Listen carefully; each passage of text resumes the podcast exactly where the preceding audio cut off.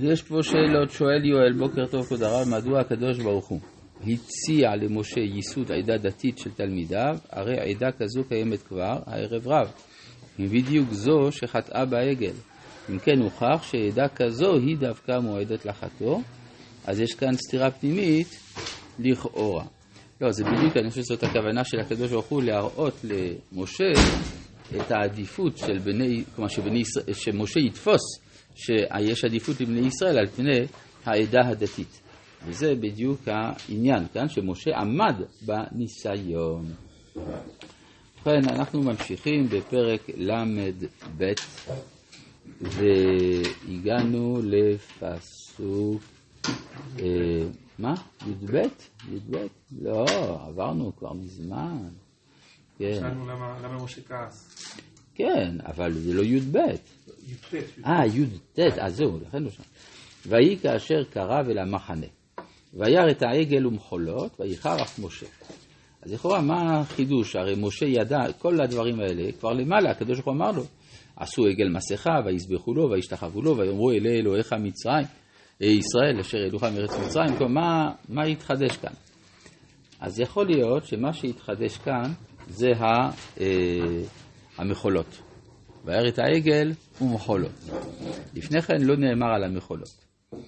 אבל אה, קשה לומר שזה רק הפרט הזה, אלא פשוט יש הבדל בין הידיעה לבין החוויה.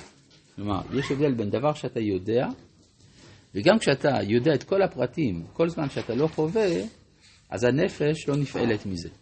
אז כאן כתוב, וכאן וייחר אף משה, כשהוא רואה, אף משה, וישלך מידו את הלוחות, וישבר אותם, תחת ההר. נשאלת השאלה, למה הוא שובר את הלוחות? כלומר, אדם כועס, אז זה לא מתאים כל כך להגיד על משה, שבגלל שהוא כועס אז הוא שובר משהו. זה לא, לא מתאים לעניין. במיוחד שהביטוי וישבר, משמע שזו פעולה מכוונת. מלבד ההשלכה, יש גם שיבור. יש אפילו מהמפרשים שאמרו שהוא שבר אחרי ההשלכה. קודם כל הוא השליך, ואחר כך, ואחר כך שיבר. כן, ככה לפי סדר הפסוק לפחות. אז אם כן, ודאי שיש אצל משה כוונה בדבר הזה. יש לזה כמה אופנים. אפשר לראות את זה על דרך המחאה נגד העגל. הרי מה זה העגל? זה גוש חומר. ועוש, ועושים עבודה מגוש חומר. זאת אומרת, גם מהלוחות הם עשויים לעשות עבודה זרה. אז אני אשבור את הלוחות, לפחות שידעו שאפילו הלוחות אי אפשר לעבוד להם. זו אפשרות אחת. אבל יש משהו יותר עמוק בתנחומה כתוב שהקדוש ברוך הוא אמר למשה, הם עברו על דבריי. אומר משה, איפה דבריך? אמרתי, לא לעשות פסל וכל תמונה, לא להשתחוות.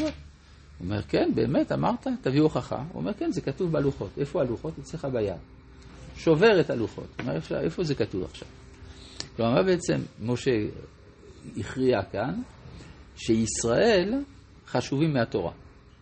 כלומר, צריך, תורה חשוב, ישראל חשובים. אבל אם זה לעומת זה, ישראל יותר חשובים, לכן הוא שובר את הלוחות.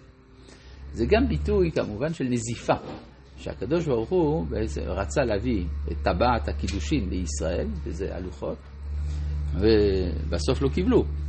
כן? כלומר, אתם לא ראויים בשלב הזה.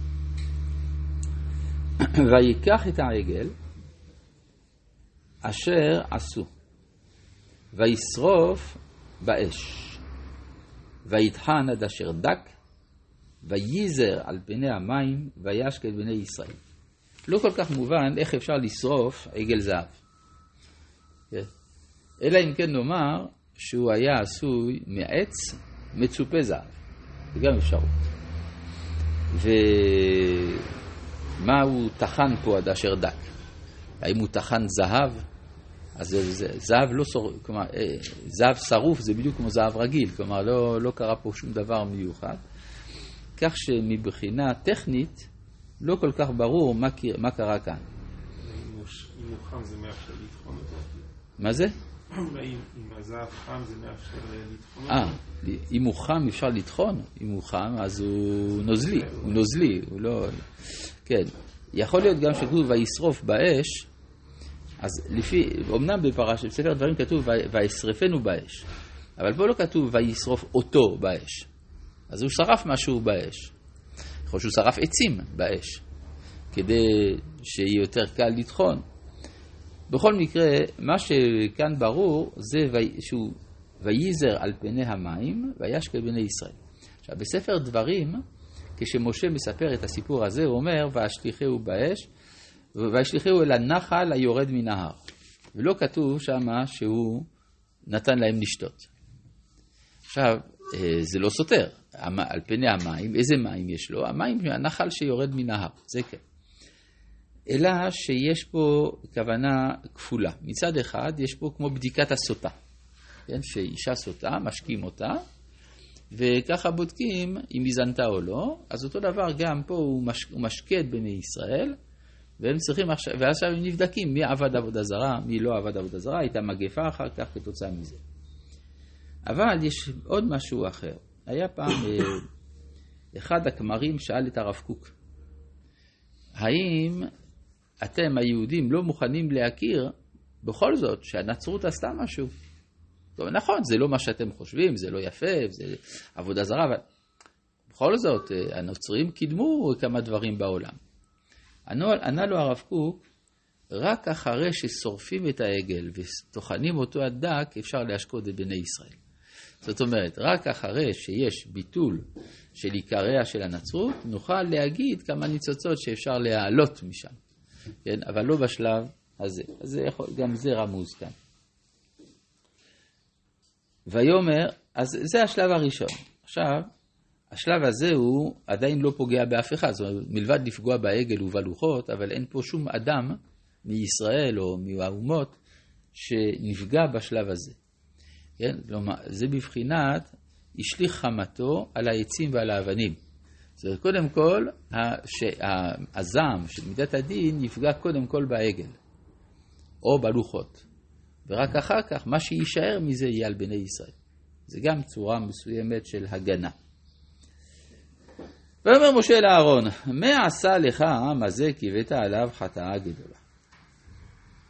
אגב, אנחנו רואים מהפסוק הזה, אני חושב שזה הרמז הראשון, שאהרון איננו מזדהה עם המעשה. כי כל מה שראינו עד עכשיו, הם פונים לאהרון, קום מעשה לנו אלוהים.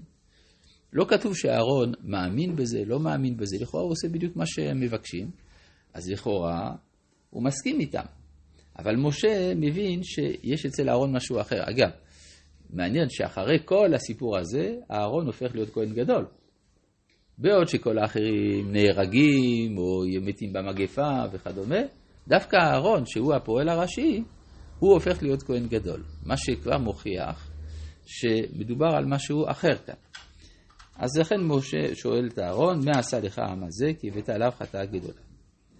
עכשיו, מה שזה אומר, שכל הסיפור הזה הוא תוצאה של הפירוד בין משה לאהרון. משה למעלה, אהרון למטה, נוצרת הבעיה. עכשיו שהם נפגשים מחדש, הם יכולים לתקן. ויאמר אהרון, אל ייחר אף אדוני. כלומר, אל תכעס. אין שום סיבה לכעוס, הכל בסדר. מעניין. מה, זה, מה הטענה? אתה ידעת את העם.